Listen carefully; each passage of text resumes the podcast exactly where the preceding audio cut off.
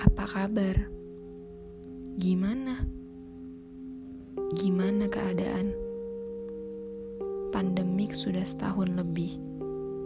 Apa kalian sudah terbiasa dengan aktivitas yang mungkin sudah berbeda dengan tahun-tahun sebelumnya?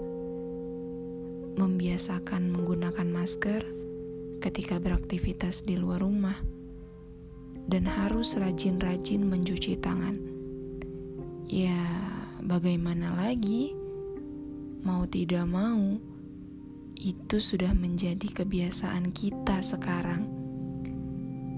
Keadaan memang berubah, tapi perasaan, iya, sama saja.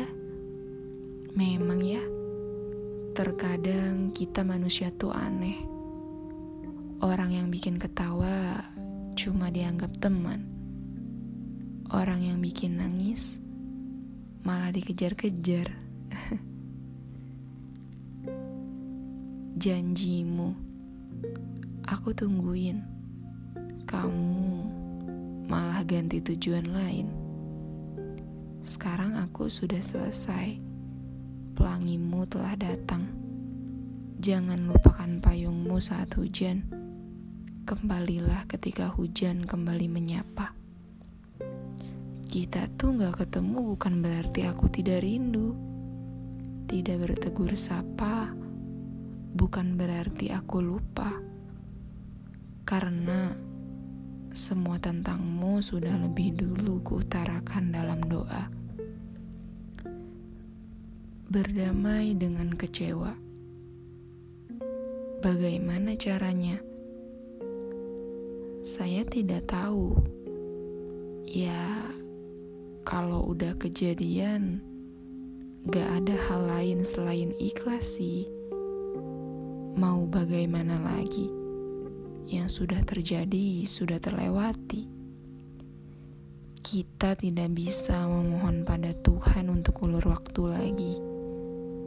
Kecewa boleh, sedih, apalagi Sebenarnya di balik kesedihan, kita hanya kurang peka saja dengan sekitar. Kita kurang bersyukur dengan hal-hal kecil. Kita terlalu fokus melihat ke atas. Sedangkan di bawah masih banyak yang lebih pedih dari masalah yang kita sedang hadapi. Berdamai dengan kecewa, jawabannya bukan dengan orang baru tetapi kamu hanya perlu diri kamu sendiri. Self love. Kamu hanya perlu memaafkan diri kamu sendiri, memaafkan dia tanpa ada rasa benci, dan lakukan apa pun yang kamu inginkan.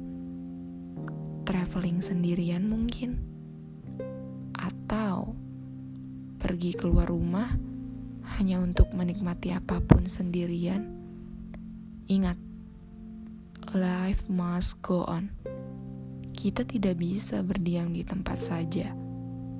Setelah sedih dan kecewa, tugas kita hanya sembuh dan bangkit kembali. Dan selanjutnya, gak usah berharap apa pun dari siapa pun. Karena ya, kamu baper dia cuma gabut. Sampai jumpa di patah hati terburukmu dan bahagia terbaikku. Goodbye.